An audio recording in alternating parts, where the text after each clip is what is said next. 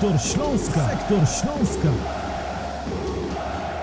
Sektor Śląska po pierwszym sezonie meczu pod wodzą trenera Iwana Dziurdziewicza, po meczu, w którym zespół z Wrocławia zremisował w derbach Dolnego Śląska z Zagłębiem Lubin. O tym spotkaniu będziemy rozmawiać w następującym składzie. Konrad Omelianiuk, Witam wszystkich słuchaczy. a także Kasper Rudzik. Cześć, witam. A ja się nazywam Karol Bugajski. Przypomnę jeszcze, że partnerem głównym naszego serwisu jest firma LVBet. Panowie, na inaugurację nie doczekaliśmy się bramek, ale czy doczekaliśmy się dobrego meczu, meczu do zapamiętania? Na pierwszy rzut oka 0 do 0, ale jakby tak poszukać głębiej, to wydaje mi się, Konrad, że chyba było trochę dobrych momentów, dobrych momentów po stronie Śląska. Na pewno cieszy zero z tyłu. E, Cieszy obrona w zestawieniu poprawa Gretarson, która była dużą niewiadomą, a okazała się czymś, na czym chyba można budować mm, solidne fundamenty w tym sezonie. Szczególnie Konrad Poprawa to jest taki zawodnik, który w Śląsku gdzieś regularnie po dłuższych przerwach otrzymuje swoje szanse i z reguły je wykorzystuje i teraz było podobnie.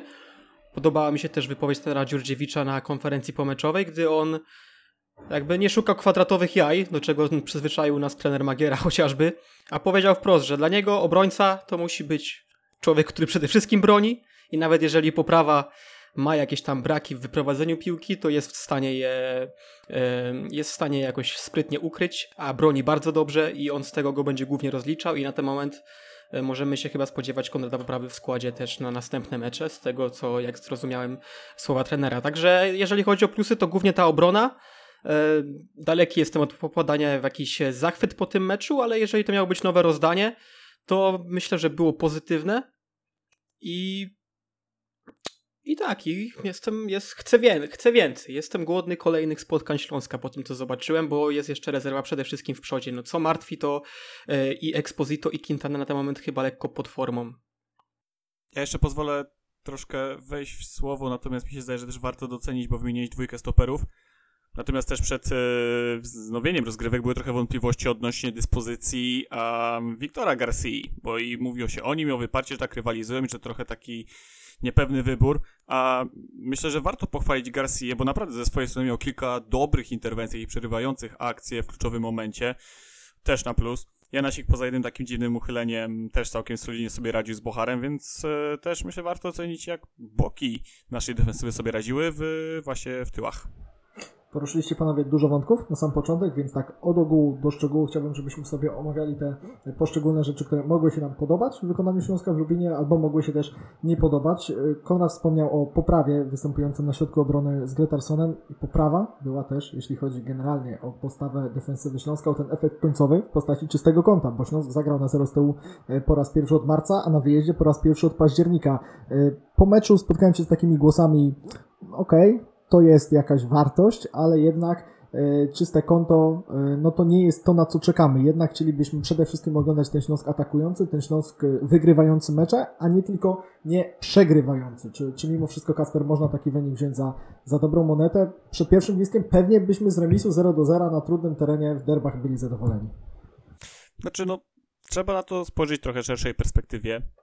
Um, Ważne jest to, że Śląsk e, zagra na te zero z tyłu, ale to też nie jest tak, że on nie tworzył nic, tak? E, bo trzeba przyznać, że te pierwsze 10-15 minut mniej więcej to był Śląsk bardzo agresywny, wychodzący wysoko pressingiem i w ogóle ten pressing mi się był takim pewnym elementem już powtarzającym się w grze Śląska. Natomiast no, było kilka dobrych sytuacji, żeby wyjąć chociażby ten strzał zablokowany Petrasz, tfu, przepraszam, Chyjka, e, ten strzał Petra Szwarca groźny, była ta sytuacja Piotra Samca Talara z ostrej jakby pozycji, z ostrego kąta, ale no musiał tam bramkarz się po, pomęczyć, więc to nie było tak, że Śląsk nie kreował.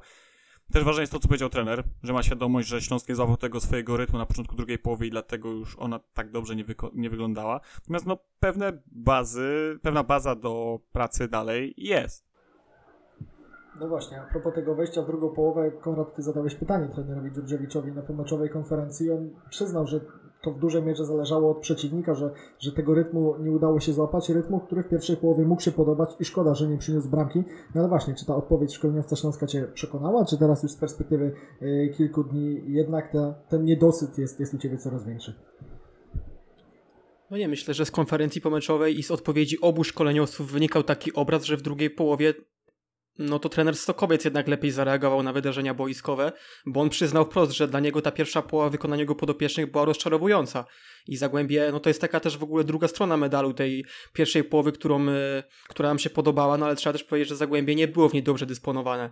I trener Stokowiec wypunktował tutaj, że e, jego boczni pomocnicy grali bardzo słabo w defensywie, na zbyt wiele pozwalali obrońcom Śląska i on to pozmieniał, e, zrobił zmiany na boku, później wprowadził też Filipa Starzyńskiego, który też tej drużynie daje wiele i myślę, że e, no głównie to sprawiło, że Śląsk w drugiej połowie nie był już tak, tak dobrze dysponowany, bo Zagłębie troszkę, mówiąc kolokwialnie, się ogarnęło i ten Stokowiec dobrze zareagował na to, co się działo w pierwszej połowie przed tygodniem takim leitmotivem e, podcastu poprzedzającego mecz z Zagłębiem e, była kwestia Adriana Łyszczarza i tego, że jeśli go zabraknie w wyjściowej 11, no to od tego powinniśmy zacząć ten podcast po derbach. Adriana Łyszczarza zabrakło, pojawiło się dwóch młodzieżowców, Piotr Samiec-Stalar e, i Javier Hyjek, chociaż nie musiał się pojawić żaden, bo wiemy o zmianie przepisu dotyczącego młodzieżowca.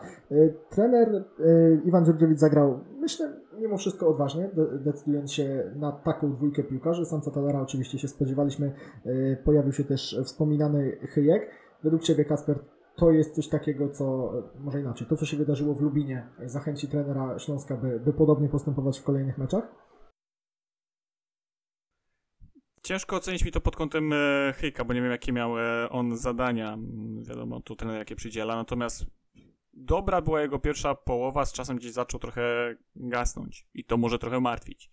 No, to o czym powiedziałeś, wtedy się wydawało trochę takie rzeczywiście dyskusyjne, że Adriana Łyszczarza nie było, natomiast e, ważne jest to, jakie głosy docierają, że, docierają do nas, że rzeczywiście wybór zawodników nie polega na tym, że ktoś ma powiedzmy jakiś potencjał sprzedażowy, jest starszy, młodszy, tylko rzeczywiście na tym, co zrobi na treningach. I Chyjek na tych treningach rzeczywiście robił bardzo dobre wrażenie, w sumie od początku gdzieś tych przygotowań, więc gdzieś wygryzł po prostu boiskowo Adriana e, Łyszczarza. Ten też swoją zmianą z jednej strony pokazał, że jest gdzieś aktywny, brał udział w tych akcjach, ale no z drugiej strony były takie sytuacje jak ten Kicks, który skończył się groźną kontrą e, Zagłębia, tak?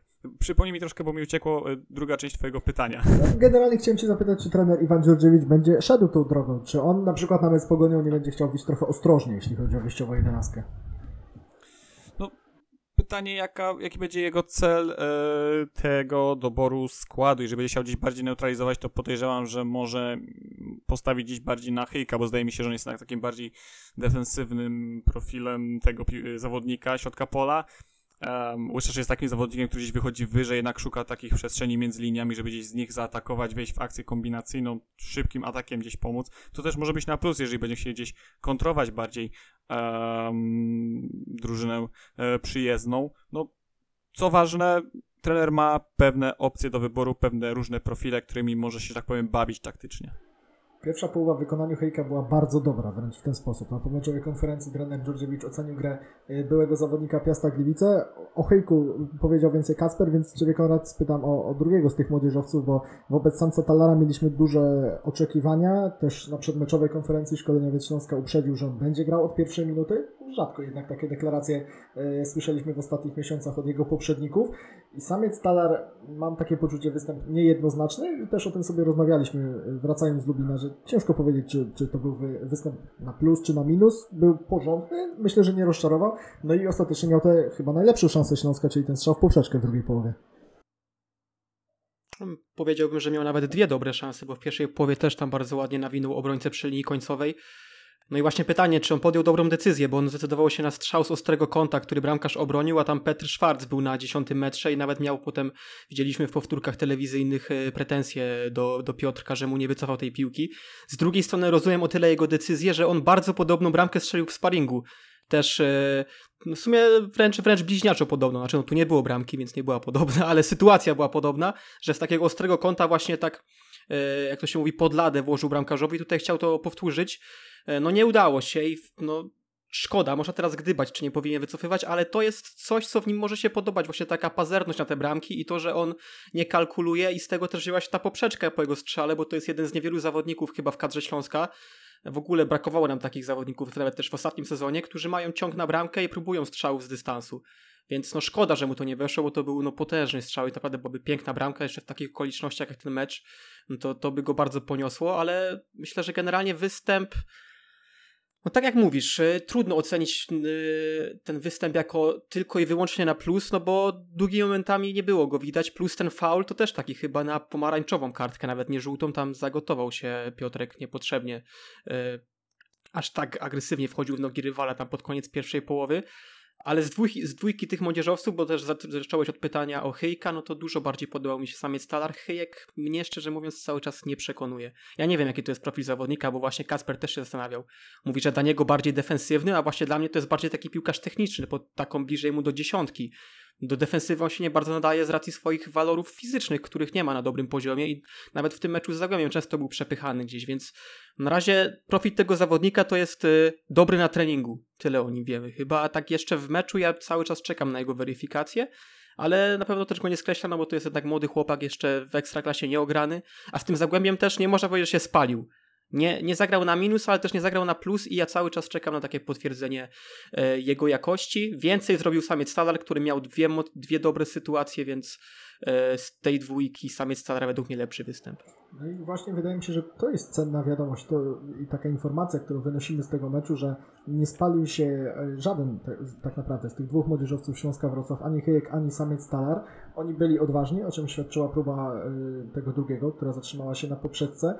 I myślę, Kasper, że to jest coś takiego, że trener Iwan Dziordziewicz po tym swoim pierwszym meczu utrzymał tę dobrą atmosferę wokół klubu, atmosferę oczekiwań. Tak naprawdę nie mamy jeszcze żadnych jednoznacznych odpowiedzi, ale raczej wygląda na to, mówiąc bardzo ostrożnie, bo jesteśmy po pierwszym meczu, że może to iść w tym oczekiwanym przez nas kierunku i, i myślę, że to jest pozytywne, bo tu przecież niewiele trzeba, żeby zacząć sezon od porażki w derbach na wyjeździe, to, to równie dobrze mogło się zdarzyć i gdzieś ta atmosfera by uleciała, a jednak e, on to przedłuża, to dobre, przedłuża.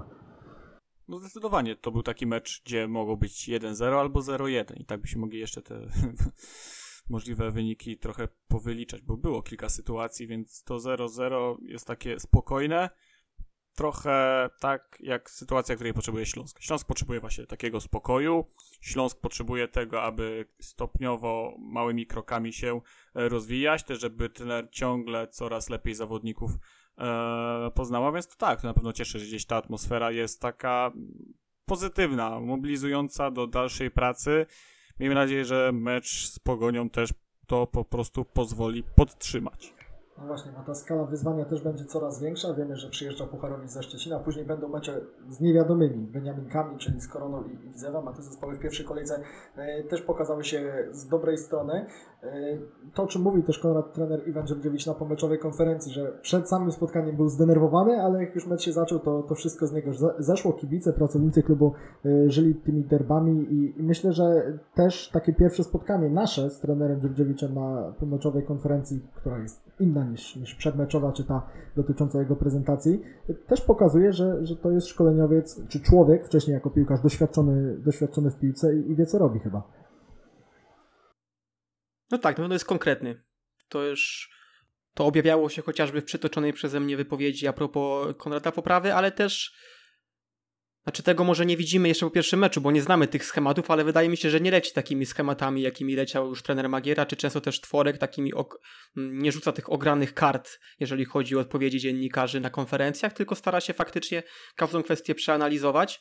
Yy, jeszcze w kwestii tego stresu, który gdzieś go może puścił po pierwszym meczu, to widać po nim było nie tyle stres, ale zaangażowanie w mecz i tym też chyba zapunktowało wielu kibiców, jak tak śledziłem komentarze pomeczowe, że on żyje meczem, on jest przy tej linii, on dużo krzyczy. E, No, stadion w Lubinie jeszcze jest o tyle specyficzne, że byliśmy nawet dość blisko e, ławki rezerwowej Śląska ze, swojego, e, ze swoich stanowisk, więc e, słychać było nawet trenera Dziurdziewicza, widać było, że on tym żyje, że to nie jest typ trenera jak trener Magiera, który siedzi, raczej wszystko analizuje, tylko chce tych zawodników podrywać do, e, do gry swoją taką charyzmą przy linii. E, W sumie nie chcę na razie oceniać, czy to jest lepiej czy gorzej, na pewno jest to coś innego i w tym meczu akurat to zrobiło dobre wrażenie, bo widać było taką e, wspólną chemię między zawodnikami, którzy walczyli na boisku, a trenerem, który no jak taki dyrygent przy linii sterował nimi. Ten mecz też był znaczący, bo on, no właśnie mówimy o tym nowym otwarciu, nowej epoce dla, dla Śląska Wrocław. Epoce też bez kapitana Krzysztofa Mączyńskiego. Po raz pierwszy z kapitańską opaską w Lubinie zagrał e, Michał Szromnik i znowu wrócę do konferencji trenera Dziurdziewicza, tyle że przedmeczowej, kiedy on był pytany e, przez wrocławskich dziennikarzy, kto ma być dla niego takim liderem e, w w polu po prostu, no bo wiadomo, że Michał Szromnik jest e, daleko od, e, od jakichś najbardziej istotnych zdarzeń, od jakichś też spięć, których nie brakowało w trakcie meczu e, w Lubinie. Tam akurat ten Dudżewicz nie był specjalnie konkretny, akurat wtedy odpowiedział dosyć widniejąco, natomiast my typowaliśmy, że takim liderem na boisku, typowaliśmy, że może nawet po prostu kapitanem będzie Patrick Olsen i, i chciałem też o jego ocenę Was zapytać. On zbierał dobre recenzje wiosną, wiadomo, po tym transferze, natomiast gdzieś to wszystko się wtedy rozmywało wobec tego marazmu Śląska i, i można mówić, że to jest piłkarz o, o dużych umiejętnościach, tylko, tylko później patrzymy na wynik takiego meczu z Brookbetem czy, czy z Górnikiem Zabrze, gdzie jest dużo straconych bramek i porażka. Także Kacper, życie bez Mączyńskiego, ale życie z, z nowym liderem środka pola. Ono zapowiada się dobrze po tym, po tym meczu w Lubinie?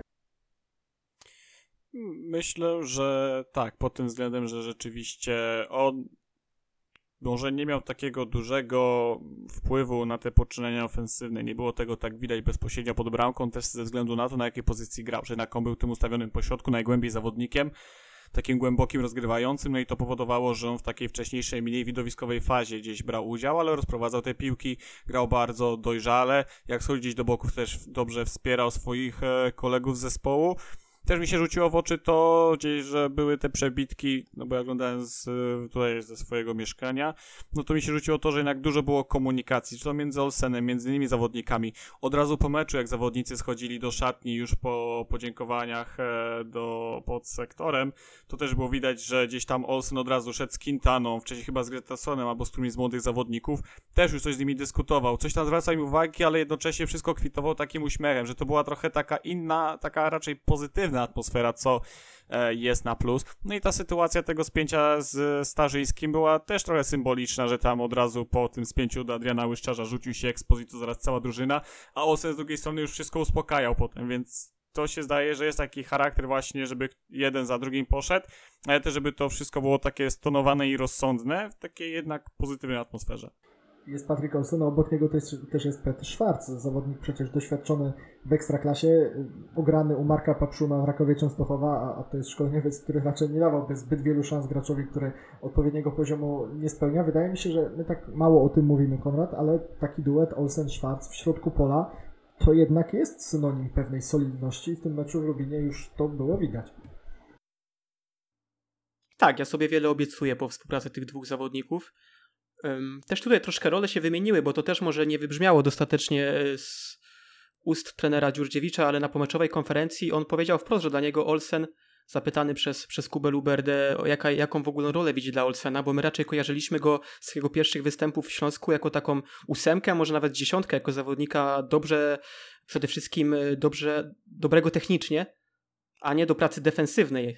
A teraz trener Dziurdziewicz mówi, że dla niego to jest typowa szóstka. To jest zawodnik do przerywania, to jest zawodnik, który ma być taką opoką z tyłu i tak też grał z Zagłębiem i on się w tej roli odnalazł. Nie wiem, czy może w tych pierwszych występach troszkę przez to stracimy jego walory techniczne, których też ta drużyna potrzebuje, ale jeżeli on z tym Szwarcem, który miał tą rolę przedtem, bo w końcówce poprzedniego sezonu to Szwarc był zazwyczaj tym e, najgłębiej grającym środkowym pomocnikiem, Teraz ma to być Olsen, ale myślę, że oni właśnie mogą się wymieniać. Jeżeli znajdą tam nić porozumienia, to to może być e, to, to może być naprawdę bardzo mocny środek pola, bo obaj zawodnicy mają duży potencjał i myślę, że już e, na miastkę tego zaprezentowali w Lubinie, także zgodzę się tutaj Karol, że to, e, to może być naprawdę solidny środek pola, aczkolwiek no tutaj jak jak to po pierwszym meczu, każdą opinię musimy zakończyć stwierdzeniem, że to jeszcze jeden mecz o niczym nie świadczy, ale potencjał tutaj jest duży. Natomiast ja jeszcze pozwolę sobie troszkę uzupełnić to, co Konrad powiedział, pod tym względem, że zgadzam się właśnie z tym, natomiast warto troszkę spojrzeć wstecz. Mi się przypomina, że dawniej jeszcze jak pisałem, to był taki jeden tekst na temat Olsena i Szwarca, jakiego zestawienia tych zawodników, co się rzucało w oczy, że Olsen miał najwięcej przechwytów piłek w całym zespole, że jak inni piłkarze mieli może po jednym przechwycie, to Olsen miał chyba cztery. To jest ważne, że to jest zawodnik, który bardzo dobrze czyta grę, ma tą wysoką inteligencję nie tylko jak jest z piłką, ale i bez niej, potrafi dobrze się ustawić, odebrać piłkę i od razu gdzieś szukać uruchomienia akcji, więc jak to ustawienie zacznie się zazębiać, może gdzieś przy tej trójce jednak zamiast Hyjka, może właśnie Łyszczasz, ja osobiście marzę, żebyś tam Karol Borys dostawał więcej minut, ale może dzięki temu też ten na środek pola zacznie zyskiwać właśnie, że będzie zawodnik, który nie tylko przetnie, ale już będzie miał tą zdolność, żeby tą akcję już od razu przyspieszyć, uruchomić jakiś szybki atak. Patryk Olsen rozpoczyna swoją drugą rundę w barwach Śląska Wrocław, e, Pet Schwarz trzecią, a pierwszą zaczyna e, John Jeboa, jedyny z nowo pozyskanych zawodników, którego mieliśmy okazję obejrzeć w piątek w Lubinie. On dostał dwa ostatnie kwadranse, wszedł w miejsce Denisa Jastrzębskiego. E, No i ciężko się oprzeć takiemu wrażeniu, że rozruszał ofensywę Śląska Wrocław. Generalnie Śląsk więcej z gry, więcej tych dobrych sytuacji miał w pierwszej połowie, natomiast e, kilka akcji e, Johna Jebocha w drugiej połowie e, mogło nam przypaść do gustu, takie nazwisko zobowiązujące, bo pamiętamy co robił Jo Jeboa w barwach Wisły Kraków, ale pamiętamy też jak ten zespół skończył w poprzednim sezonie, więc chcielibyśmy, żeby w Śląsku było inaczej. To też było pewne zaskoczenie dla mnie, że on dostał stosunkowo dużo czasu w tym meczu, bo dzień wcześniej trener Dżurdżewicz e, pytany na Oporowskiej przez dziennikarzy tak dosyć ostrożnie wypowiadał się o tym zawodniku, powiedział, że będzie w kadrze, ale, ale czy będzie grał, e, to zobaczymy. Zagrał i, i mógł nawet przechylić szale na, na korzyść Śląska. Może żadna konkretna sytuacja nam nie przyjdzie do, do głowy Konrad, natomiast e, no, robienie tego wiatru, to, to, to było chyba takie określenie, które też najczęściej padało w naszej transmisji a propos niego. No tak, tyle już tutaj już mamy skojarzenie całkiem y, niedawne z Lubambą Musondą, jeżeli ty mówisz tylko o robieniu wiatru, a tym, że nie mamy żadnych konkretnych sytuacji przed oczami, no bo tak troszkę jest i no i wiemy jak to się skończyło w przypadku Musondy, no. Fajny to był zawodnik, ale liczby nie miał i tak no nikt za nim nie płakał. I nie chcę powiedzieć, że tu będzie podobnie, bo pokazał Jeboach na pewno potencjał, dobrze, dobrze zerwał kilka razy, wygrał dribbling na tej lewej stronie, też zawiązała się całkiem ciekawa nić współpracy z Łyszczarzem, E, tam parę razy fajnie sobie pograli na małej przestrzeni, ale to wciąż wciąż jest za mało, żeby tutaj e, cokolwiek nakręcać według mnie. Niech on, niech on pokaże więcej, bo jestem daleki od, e, od tego, żeby mówić, że to była jakaś dobra zmiana. No nie, Śląsk w drugiej połowie nie stworzył sobie żadnej klarownej sytuacji i więcej oczekiwałem po wejściu trójki Exposito, Łyszczarz i Jeboa. Oni coś tam na tej lewej stronie, głównie Łyszczarz e, z, Jebo, z Jeboą, Jeboachem, jak to odmienimy? Uważaj, żeby nie przekląć, bo będziemy wypikiwać. To też jest jedna z wersji chyba właśnie, że to powinno być Jeboła jakoś. No, idźmy dalej.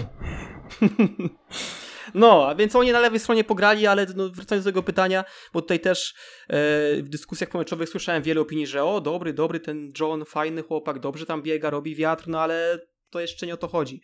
Ja chętnie go zobaczę w dłuższym wymiarze czasowym i czekam na konkrety w jego wykonaniu. No bo mówię, druga połowa była słaba tego meczu i to też trzeba powiedzieć sobie wprost. Śląsk grał dobrze w pierwszej połowie, w drugiej nie. W drugiej była tylko poprzeczka samca Talara i tyle. Kacper, dla Ciebie to, robię, to robienie wiatru było wystarczające, czy, czy jednak też oczekiwałbyś więcej? Znaczy, wiadomo, że to jest taki etap y, sezonu, że jeszcze tego zawodnika poznajemy. Teraz no mi w oczy rzuciło się to, że wchodził w te driblingi, miał takie krótkie prowadzenie piłki, że jedna była taka sytuacja, że chyba dwóch piłkarzy Zagłębia w pewnym momencie próbowało go powalić, bo gdzieś tymi krótkimi, takim krótkim prowadzeniem po przyjęciu urywał się rywalom. No też właśnie ta sytuacja, o której wspominał e, Konrad, ta mała współpraca po lewej stronie, tam razem właśnie z Garcią, e, z Łyszczarzem. Mi się wydaje, że duży udział przy tej sytuacji, kiedy Łyszczarz no, ostatecznie nie trafił tego woleja, to była dobra sytuacja strzelecka, to to właśnie chyba było po kombinacyjnej akcji Garcia i Jeboa. Więc e, no, on ma też potencjał do takiej właśnie małej gry. I, i to mi się zdaje, że właśnie go trochę różni, że tak odnoszę się do początku wypowiedzi Konrada z Lubambą Sondą, że jak Musonda to było wiadomo, że to jest zawodnik, który może ma dobrą wrzutkę, ale przede wszystkim dominuje na szybkości, na takim driblingu raczej dosyć prostym, żeby ściągnąć do siebie rywala, przepuścić piłkę i też gdzieś ominąć rywala, a Jeboa mi się że jednak jest dużo bardziej zaawansowany w takiej krótkiej, małej grze i to może z czasem pokazać. Pojawił się Jeboła w tym meczu, nie pojawił się Martin Koczkowski na prawej obronie. Zastanawialiśmy się, czy on, czy Patryk Janasik. Biorąc pod uwagę zgrupowanie w Słowenii, no to Martin Koczkowski chyba e, zbyt wielu pozytywnych e, słów od nas i od trenera Iwana Dziordziewicza po powrocie nie usłyszał. Pojawił się Janasik e, i wydaje mi się, Konrad, że to kolejny taki zawodnik, którego możemy nagrodzić słowem pochwały, ale z taką ostrożnością, bo wiemy też, jak to w jego przypadku czasami może być w trochę dłuższej perspektywie. No tak, no odwołał mi się znowu do tych słów trenera Dziurdziewicza, że o, jeżeli obrońca ma przede wszystkim bronić, no to Janasik bronił dobrze. Nie przypominam sobie jego żadnego wypadu ofensywnego, ani dobrego dośrodkowania, więc na nic więcej niż ten taki mm, solidny występ na łatkę niczego więcej jakby nie zasłużył, ale swoje zrobił, więc Kączkowski pewnie jeszcze na swoją szansę poczeka, ale tutaj ta rywalizacja e, między nimi będzie ich tylko nakręcała i to też zresztą są potwierdzenia sw- słów, e, słów trenera, że nie, nie rzuca słów na wiatr, mówiąc, że gra ten, kto jest w danym momencie najlepszy.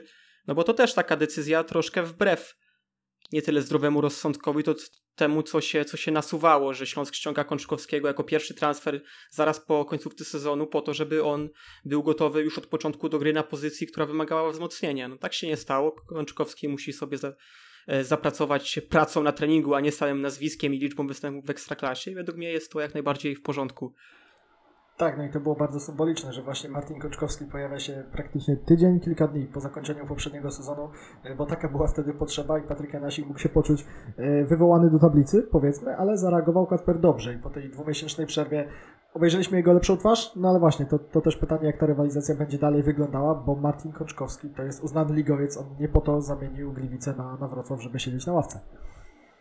Tak, no to jest może też kwestia zgrania, gdzieś poznania lepiej swoich kolegów zespołu w treningach. Z Janasikiem trochę mam taki mimo wszystko zasadę ograniczonego zaufania, jak na drodze, bo przypomina mi się tam sytuacja z końcówki pierwszej połowy, kiedy była taka wrzutka.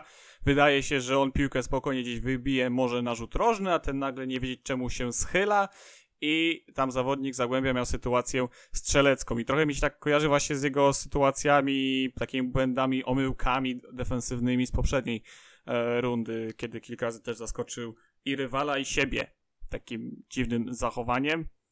Zobaczymy, jak Kon- w długim terminie wypadnie, bo on na pewno może dać taką jakość ofensywną, właśnie dobre dośrodkowanie, e, współpracę na boku, tylko no, oglądając paringi to widzieliśmy, że gdzieś on jeszcze gra na takim zaciągniętym e, hamulcu. Ten punkt na początek na pewno można przyjmować za dobrą monetą. Mówiliśmy sobie praktycznie cały skład e, Śląska Wrocław, ale mam wrażenie, że tak tylko prześlizgnęliśmy się po e, pozycji napastnika, po Eriku Exposito, który wchodził w miejsce Kaje Quintana, a wydaje mi się, że Erik Exposito w tym meczu był najsłabszym spośród tych czterech rezerwowych e, Śląska Wrocław. E, Problem polega na tym, że zastępował Kaje Quintanę po godzinie gry też nieprzypadkowo, bo Hiszpan, który dobrze wyglądał w sparingach, właśnie w odróżnieniu od Sansa Talara w tym pierwszym meczu ligowym e, tego nie potwierdził. Obawialiśmy się, że taki występ w Lubinie może dać młodzieżowiec, a, a dał go, dał go Kaje Quintana. Trzy gole w sparingach, podobnie jak sam jest Talar Konrad, natomiast y, no, gdzieś jednak okazuje się, że hiszpański król derbów Dolnego Śląska jest jeden, jest nim Erik, nie w tym meczu, ale Quintana też nie. No tak, no to o tym powiedziałem już w tym ogólnym postępowaniu mecz, postępowaniu, przepraszam. O tym powiedziałem już w tym ogólnym podsumowaniu meczu swojej pierwszej kwestii, że obaj napastnicy zawiedli, no i no Quintana boli o tyle, że to nie jest tak, że to był dla niego mecz w ogóle bez żadnej szansy, został kompletnie zneutralizowany, że tam obrońcy grali super spotkanie, no bo nie, on miał sytuację i to taką stuprocentową, gdzie dostał fajne podanie od Janasika, dobrze się zabrał, tylko zwlekał ze strzałem za długo. No i ta decyzyjność to było coś, co myśleliśmy, że on właśnie dobrymi sparingami nabędzie. Taka pewność siebie, że wie kiedy oddać strzał, a tymczasem no to znowu był taki Quintana lekko zagubiony, pracujący, okej, okay, tego nie można mu odmówić. On dużo biegał, starał się brać na siebie grę, gdzieś tych obrońców na plecy, ale no to nie jest jego gra. On się lepiej czuje chyba jednak w takiej dynamicznej grze, jakichś podaniach na wolne pole, a nawet jak już to dostał, to też z tego nie skorzystał, więc no szkoda, bo ta pierwsza połowa powinna się skończyć bramką. Śląsk tam przeważał, Śląsk stworzył sytuację, no i kto miał je kończyć? No jak nie taka rasowa dziewiątka, którą powinien być w tym ustawieniu Quintana. No Exposito, tak jak powiedziałeś, słaba zmiana i można się zastanawiać, o co tutaj chodzi, no bo to już jeżeli weźmy, doliczymy jeszcze końcówkę poprzedniego sezonu, to to już jest bardzo długi okres e, czasu, w którym Exposito jest pod formą. No z drugiej strony też rozmawialiśmy w, drodze powrotnej, to, to Kuba powiedział, że to jest taki zawodnik, że ile razy tu już była dyskusja o tym Exposito, a nagle on odpala w sumie w najmniej spodziewanym momencie, strzela dwie bramki w jednym meczu, potem ma jakąś serię, serię meczów z golem i też liczę, że tutaj będzie podobnie. Tym bardziej, że gramy z Pogonią Szczecin, chyba on z Pogonią Szczecin to właśnie lubi takie serie e, przełamywać, jakieś niemocy. Więc tutaj wciąż myślę, że to jest kwestia czasu, bo on fizycznie on wygląda dobrze. On cały czas potrafi się zastawić. Widać, że nawet y, nie jest gdzieś wbrew temu, co niektórzy obserwatorzy sugerowali, gdzieś jest zapuszczony czy z nadwagą. On fizycznie wygląda dobrze. To jest chyba kwestia znowu jakiegoś przełamania się jednego dobrego meczu, odwrócenia tej karty. No i oby to nastąpiło jak najszybciej, bo dla mnie to wciąż jest materiał na napastnika, na pierwszego napastnika Śląska. No Quintana dostał szansę, której już może długo nie dostać. Po dobrych sparingach wydawało się, że, że w końcu odpali, miał sytuację, no, nie wykorzystał tego. Tak, ostatniego gola w Ekstraklasie Erik Exposito strzelił właśnie przeciwko Pogoni. Wtedy wiosną przełamał serię czterech meczów bez gola w starciu z sportowcami.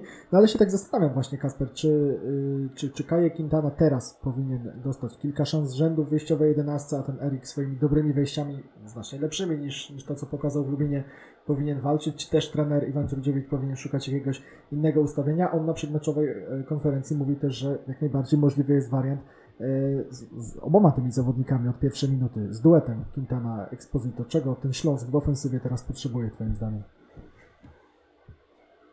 Ciężko to ocenić pod tym kątem, że trzeba by zrobić duże przetasowanie w środku pola, żeby tych dwóch napastników zmieścić. Z drugiej strony, ja miałem takie wrażenie, że jak ta pierwsza połowa wyglądała dobrze, to także dlatego, że właśnie Quintana schodził do boków. Że on nieraz nawet nawet to jest właśnie. Ja trochę mam problem z oceną tego zawodnika ogółem, bo ma takie sytuacje, że ten jach na niego gdzieś naciska, a on potrafi go inteligentnie przepchnąć tak, żeby sobie zrobić miejsce do przyjęcia piłki, zgasić ją i ją rozegrać. I były takie trzy, myślę, gdzieś cztery sytuacje w pierwszej połowie, że gdzieś schodził do boków, ten środkowy obrońca razem z nim, on sobie tam szukał miejsca, zgasił piłkę i gdzieś to rozegranie szło dalej. Natomiast Quintana ma jeden problem. On nie może mieć czasu na myślenie w polu karnym. On musi mieć piłkę sytuacyjną, tak jak chociażby z Wisłą Kraków, czy nawet jak na dwa razy strzelał z Rakowem, że on musi po prostu gdzieś sytuacyjnie strzelić i to może wyjść. A jak on musi gdzieś biec, pójść w dribbling, on tego po prostu nie ma. Więc dla niego na plus jest to, kiedy może zejść w wolną przestrzeń, szukać podania. I pomysł dwójko napastników jest całkiem dobry, bo właśnie on mógłby obsłużyć, czy to może wchodzącego gdzieś w wolną strefę Exposito, czy może gdzieś skrzydłowych, którzy by gdzieś e, szukali wolnej przestrzeni, bo on to gra nie ma. No ale sam na szpicy to jest trochę krzywda i dla drużyny, bo tej szpicy tak naprawdę nie ma, bo Quintana schodzi do boków. I tu jest dużo przestrzeni właśnie gdzieś do dopasowania tego ustawienia ofensywnego. Panowie, wychodząc od tego meczu, od tego jak grał Śląsk, od tego jaki wynik zanotował w Lubinie, chciałem też nawiązać do kolejnej przedmeczowej wypowiedzi trenera Iwana Dziurdziewicza, który był pytany a propos transferów, bo dużo mówiło się przed startem ligi po powrocie ze zgrupowania w Słowenii o poszukiwaniach m.in. e, lewego obrońcy. Mówiło się, że wrócił temat Mateja Hanouszka ze Sparty Praga, który w poprzednim sezonie grał w Wiśle Kraków. Mówiło, się o Chorwacie Marianie Czabrai, Kabrai e, z Dinama Zagrzeb. Natomiast trener Iwan Dziurdziewicz powiedział e, dosyć stanowczo, zdecydowanie, że e, kolejnych transferów już w tym okienku nie ma się co spodziewać, również na lewą obronę, pod warunkiem, że nie będzie jakichś e, kontuzji, jakichś e, urazów, jakiegoś nieszczęścia, którego w tym momencie nie możemy przewidzieć. Czy biorąc to wszystko pod uwagę, jak Śląsk wyglądał, jaki ma stan posiadania e, po obozie w Słowenii, jak zaprezentował się w tym pierwszym meczu i czego potrzebuje, to, to o czym sobie tutaj rozmawiamy. E, Konrad, ty, ty się zgadzasz z takim postawieniem sprawy, czy jednak tam widać jakieś pozycje do, do uzupełnienia cały czas w tym Śląsku trenera Dziurdziewicza? Nie ma co się oszukiwać, że ta, ta lewa obrona jest jak najbardziej do wzmocnienia. Mimo, że Garcia zagrał teraz całkiem przyzwoity mecz, no to wciąż on tam nie ma nawet z kim rywalizować. No jest wypart, e, którego chyba obóz troszkę zweryfikował, z tego jak rozumiemy słowa trenera Dziurdziewicza, który nie był do końca z niego zadowolony. E, Maćkowiak tam nawet nie pojechał, no więc ewentualnie jest jeszcze Janasik, który może tam zostać przesunięty, no ale to wciąż nie jest to nie jest rywalizacja, która by kogokolwiek chyba zadowalała, więc dla mnie wciąż lewa obrona wymaga wzmocnienia. Może to jest taka zasłona dymna, że Śląsk chce powiedzieć, że już nie robimy żadnych transferów, a gdzieś z przyczajki coś jeszcze załatwią. Yy, nie wiem, mam nadzieję. No ale jeżeli nie, to wciąż będzie to idealna okazja dla tego Oliwiera Wyparta. No może troszkę tak z... Nawet jeżeli miałby tam grać tak od biedy, no to czasem też właśnie w taki sposób można swoją szansę wykorzystać. Teraz dobrze zaczął sezon w rezerwach, strzelił nawet bramkę z Radunią Stężyca, więc y, może potrzebuje troszkę czasu, żeby po tym, po tym obozie z pierwszą drużyną, y, nie wiem, dojść do siebie, czy nabrać pełni formy i jeszcze to będzie zawodnik, który zadebiutuje w Ekstraklasie w tym sezonie. Kasper, poszukujemy jeszcze kogoś na, na lewą obronę, czy ten stan posiadania Śląska jest według Ciebie wystarczający? No, można mieć obawy w momencie, gdyby, nie daj Boże, Garcia by doznał na przykład kontuzji, tak? Gdzieś byłby zawieszony. Jaką jakość ten wypart da? No bo Konrad wspomniał o właśnie bramce, tak? Czyli że gdzieś wypart yy, dobrze pokazał się, taki dał pozytywny element yy, z przodu. Ciężko oceniać, jak ten występ i na przykład mi ciężko, jeszcze raz, mi ciężko oceniać, jak ten występ wyglądał, no bo nie oglądałem tego meczu, więc możemy tylko opierać się o cyfrach. Wypart jest takim zawodnikiem, który raczej jest e, solidny w defensywie, ciężej mu trochę idzie gdzieś ta gra ofensywna, gra kombinacyjna, więc no, jeżeli wejdzie, to ja bardziej podejrzewam, że nam trochę zabezpieczy tę lewą stronę. No, da radę, myślę, ale szału pewnie nie będzie. No, to jest taki solidny zawodnik, ale ja bym też tak nie robił aż dużego dramatu z tego, gdybyśmy zostali właśnie z tą dwójką. No, to też zawsze byłoby pytanie o efektywność takiego ruchu pozyskiwania kogoś już po rozpoczęciu nowego sezonu, zakładając, że to miałby być gracz do wskoczenia y, do wyjściowej jedenastki od razu, a wiemy też jak wygląda terminarz tego sezonu. Nie ma przerwy na kadrę na początku września, tylko jest pod koniec września, więc gramy 10 kolejek z rzędu tak naprawdę i, Puchar Polski, więc nie ma y, kiedy tych graczy wprowadzać. Y, Ciekawostka, może już na koniec tego wątku meczu z Zagłębiem, za niespełna dwa tygodnie znowu będzie okazja wrócić do Lubina na stadion Zagłębia, bo udało nam się zdobyć takiego newsa, można tutaj zrobić kwadratowe nawiasy, nasz news, mecz trzeciej kolejki drugiej ligi Zagłębie 2 Lubin, Śląsk 2 Wrocław również będzie rozgrywany na stadionie y, Zagłębia Lubin, na tej, na tej głównej murawie. Y, kibice Śląska być może również będą mieli wstęp na, na ten mecz, to jeszcze nie jest potwierdzone, także y, zapowiada się powrót do Lubina, to pod koniec lipca. Kolejne derby we Wrocławiu w Ekstraklasie oczywiście otworzą nową rundę, bo to będzie pod koniec stycznia już w roku 2023.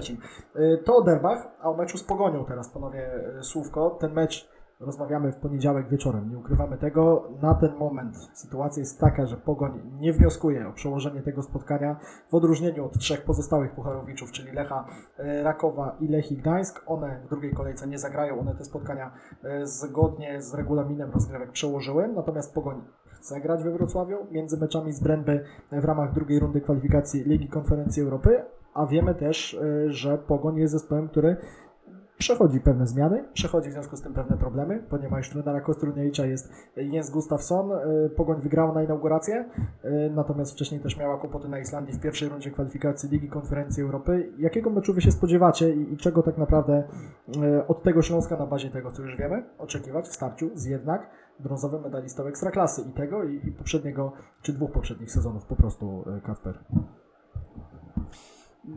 Powiem tak, meczu ekstraklasowego z Widzewem nie oglądałem, tylko doczytałem, że gdzieś tam widzę wyszedł na prowadzenie, Pogoń nadgoniła. No to jest na pewno drużyna, która dysponuje dużą jakością. Nie wiemy, jakie decyzje podejmie trener, czy on będzie je nakrotował, czy podobnie jak w meczu z Widzewem będzie stawiał na tych samych zawodników, co ewentualnie gdzieś tam docelowo w meczu pucharowym. Osobne, osobno powiem, że brawa dla Pogoni za to, że nie bawi się w jakieś przekładanie meczów, bo no ja nie pamiętam przez te lata, może mnie ewentualnie skontrujecie albo gdzieś ktoś po, po odsłuchu podcastu. Nie pamiętam, żeby Śląsk przekładał jakiekolwiek mecze. Nawet jak rok temu graliśmy ten mecz z Kapuelem Berszewa, to potem pojechaliśmy normalnie na mecz. Kto to był przed Górnikiem? Jeszcze nie pamiętam, ale właśnie tam zagraliśmy mecz ligowy normalnie. Nie z, z Legią? Z Lechią. Z Lechią, tak, tak, okej, okay, tak, to tak, z Lechią ten mecz zagraliśmy, ten, no to pechową końcówkę, natomiast zagraliśmy normalnie mecze i jeżeli chcemy być poważną ligą z poważnymi zawodnikami, no to musimy grać te mecze, budować pewną intensywność, budować kadry na tyle, żeby gdzieś tym rotować, a nie nagle co, zaczniemy, już i tak jest grafik napięty, że tak powiem, bo jest y, mundial, tam gdzieś te kolejki, będziemy zaraz się bawić, przedstawiać to wszystko dla połowy ligi, bo gramy w drugiej rundzie eliminacji, no, no już i tak jesteśmy chwilami w Europie mało poważni, a jeszcze zabieramy sami sobie tej powagi pod kątem ligowym. Znaczy to generalnie jest taka moda, która się pojawiła dwa lata temu. Pamiętam, e, kiedy były te pojedyncze mecze z powodu pandemii tam w kwalifikacjach europejskich pucharów. Jesienią 2020 roku jeden mecz decydował o awansie. Szkoda notabene, że Śląsk na przykład wtedy nie grał z Hapoelem Berszewa, wygrałby pierwszy mecz, grałby dalej. Ale to nawiasem. I wtedy nagle pojawiła się taka moda. Wtedy to jeszcze było bez żadnego trybu. Zostało uporządkowane w tym sezonie i w poprzednim, żeby właśnie przykładać mecze w Ekstraklasie, bo, bo europejskie puchary. Nic takiego nie miało miejsca w przeszłości i Wisła Kraków wygrywała z Barceloną, nie wiem, faza grupowa Ligi Europy dla Wisły Kraków, Legii czy Lecha Iwana Dziurdziewicza i, i wszystko było dobrze, a, a teraz nagle jest jakiś problem, ale Konrad Pogoń chce grać, no to dobrze, to spotkamy się w twierdzy Wrocław. Dobrze, też się cieszę, bo myślę, że to jest dobry, o, dobry okres na podjęcie pogoni u siebie. Ta druga kolejka i moment, w którym Pogoń jeszcze jest uwikłana w puchary, a wiemy, że nie jest w formie, no bo drużyna w formie nie przegrywa tam z półamatorami z Islandii, jak uczynili to e, zawodnicy ze Szczecina tydzień temu. Teraz ja akurat oglądałem ten mecz e, ich z Widzewem, gdzieś do, do niedzielnego obiadku. E, taki, był późny taka, obiadek, roz, taka rozrywka. kolacja. Po, no, no, nawet nie, faktycznie, to było po obiedzie. No ale niedzielny. Pod kolację bardziej. Niedzielna podkolacja z y, Pogonią Szczecin i Widzewem Łódź. No i tam y, oglądałem to w ogóle na streamie jakimś serbskim. Nie wiedziałem, że Serbia ma prawa do ekstraklasy. I Może tam nie. Bar- To nie wiem, to jakaś, no jakaś nielegalna transmisja, bo nie stać mnie na legalne. E, I Bartolomeo Pawłowski tam biegał, tak właśnie mówił y, komentator serbski Bartolomeo Pawłowsko i strzelił nawet jedną bramkę, ale nie podobała mi się jego gra tak do końca. Tam w ogóle jako taka dziewiątka sobie hasał, więc u nas prawe, prawe wahadło, tam napastnik numer 9 strzelił bramkę, ale wracając do Pogoni, to wcale nie grała tam dobrze. Gdzieś y, udało im się wygrać dzięki temu, że wszedł y, kolejne takie dźwięczne nazwisko i tam no, strzelił wspaniałą bramkę na 2-1, ale z perspektywy tego całego meczu to ta Pogoń wcale nie jawiła mi się jako rywal, który byłby do nas nie w naszym zasięgu, a na to by wskazywała chociażby tabela zeszłego sezonu. Myślę, że są jak najbardziej do ugryzienia. Śląsk musi, nie może wyjść na ten mecz przestraszony, bo Pogoń to nie jest na ten moment nikt, przed kim powinniśmy gdzieś cofać się do głębokiej defensywy. Respekt oczywiście, bo to wciąż jest Pucharowicz, to wciąż jest drużyna z czołówki polskiej ligi, ale w obecnej formie ja liczę na to, że Śląsk jest w stanie ugrać w niedzielę trzy punkty. To w takim razie z tą nadzieją będziemy już powoli się rozstawać, ale jeszcze podrzucę dwie ciekawostki. E, ocenicie i wy, panowie, i, nasi słuchacze, która jest ciekawsza. E, Śląsk ma najdłuższą w lidze serię meczów bez zwycięstwa u siebie. 9 takich spotkań, od listopada Śląsk nie wygrał u siebie. Pogoń ma najdłuższą w lidze serię meczów bez porażki na wyjeździe. 11. Od października nie przegrała na obcym stadionie, więc znając prawo Ekstraklasy pewnie Śląsk wygra, bo wiemy co na przykład zdarzyło się w meczu Lecha ze Stalą, jak te statystyki czasami nie mają żadnego odzwierciedlenia. A jeszcze jedna ciekawostka, Jens Gustafsson, czyli nowy trener Pogoni Szczecin, y, urodził się w Helsingborgu, czyli w mieście, w którym Śląsk rozgrywał ostatni swój mecz w Lidze Mistrzów, w kwalifikacjach Ligi Mistrzów. To się najlepiej nie skończyło, y, ale tak było. Także y, wydaje mi się, że ten optymizm, który mamy po meczu z Zagłębiem Lubin, jeszcze tak dam Tobie, Kasprze, słowo, słowo końcowe, Mm, w tym meczu przeciwko Pogoni Szczecin jak najbardziej w Śląska powinien być chyba e, oczekiwany, może nawet takiego słowa użyję. Będzie dobrze. Dobrze chłopaki robią? Dobrze grają? Dobry przekaz leci. Nie no, jakby trzeba spokojnie podejść do tego meczu, tak jak właśnie Konrad powiedział, z pewnym takim szacunkiem do rywala, ale przede wszystkim zaufaniem do własnej pracy. Mamy swoją jakość. Pamiętam przed meczem, jak sobie tak przeglądałem gdzieś social media, przede wszystkim Twittera, to ludzie pisali, że co to w ogóle Śląsk ma za skład, a tak naprawdę no Śląsk ma trochę jakości, ale uśpionej, ma kilku zawodników, którzy mają coś do udowodnienia, więc no też jest nowy sezon, nowe otwarcie, tak? I te zmiany trenerskie u naszych, e, no, tak powiem, ligowych faworytów też mają swoje odbicie na jakość i czemu z tego nie skorzystać? Kiedy Śląsk za Witysława Lawiczki zaczynał też taki nowy sezon po ciężkim utrzymaniu, wywalczyłem gdzieś dopiero pod koniec, jak się ta maszyna zaczęła rozpędzać, to też raczej jak wszyscy zobaczyli na początku kalendarz, mówili o Jezu, o Panie nasz, co to będzie, a początek był dobry, więc teraz życzyć tego też sobie wszystkim tutaj nam wrocławianom, którzy mają gdzieś Śląsk blisko serca, bądź dalej, ale chociaż troszkę blisko serca, aby też gdzieś potem za kilka tygodni wspominać rozpoczęcie tych rozgrywek, jak wtedy. I chcielibyśmy właśnie wreszcie zobaczyć trochę lepszy mecz Śląska przed własną publicznością, bo w dwóch z trzech ostatnich domowych meczów Śląsk stracił po 4 gole. Przegrał z Górnikiem Zabrze 3 do 4 i przegrał z Brookbetem Termaliką 0 do 4. Nie przegrał w tym czasie No. tylko z Pogonią. Ostatni wygrany mecz u nas to, to jest e, mecz ze Stalą. Tak jest, 27 listopada. Dawno. Matko Boska. Co wtedy No robiliście? Ubieraliście choinkę? Nie, jeszcze za wcześnie, no ale... Ja dobrze pamiętam, jak to popołudnie wtedy wyglądało. też pamiętam. I nie było ono łatwe, nie było zdecydowanie łatwe to popołudnie. Straciłem potem po tym meczu gardło, więc jakby... no, Ale było warto, bo nie, nie codziennie Śląsk wygrywał u siebie. Tak, komentowaliśmy ten mecz. Komentowaliśmy ten mecz razem, więc Kacper musisz wracać, bo, bo może to, to z tego powodu się y, zablokowało. Jeszcze jedno zdanie, też zdanie bez żadnego trybu, tak tytułem końca, ale myślę, że głupio, żebyśmy takie zdanie pominęli. Zdanie akurat ze skarbu kibica przeglądu sportowego, rzecz, o, którą, o której warto wiedzieć i, i myślę, która jest w pewnym stopniu odkrywcza, y, że po tym meczu z Brookbetem Termaliką Nieciecza Dariusz Sztylka, o którym mamy takie, takie informacje oficjalne z klubu, że on wtedy oddawał się do dyspozycji zarządu. Dariusz Sztylka wtedy złożył wniosek o dymisję, a do dyspozycji właściciela oddawał się prezes Piotr Waśniewski. To, to też jest taka ciekawostka z końcówki sezonu, sezonu, o którym już nie chcemy pamiętać. Niech to wybrzmi, niech, niech nad tym już e, zapadnie cisza i, i przechodzimy do tego, co w nowym sezonie. A w nowym sezonie pierwszy domowy mecz Śląska to w niedzielę o 17.30 z Pogonią Szczecin i jeżeli jednak e, w Szczecinie ktoś nie wstanie e, we wtorek, w środę rano, czyli już po naszym nagraniu z pomysłem, że trzeba ten mecz przełożyć, to wtedy gramy. A jak wstanie, to, to nie gramy, ale też będzie ciekawie na Śląsknecie.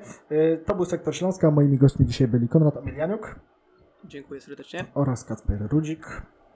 Dzięki, do usłyszenia. Karol Bogajski, dziękujemy za dzisiaj. Hej Śląsk.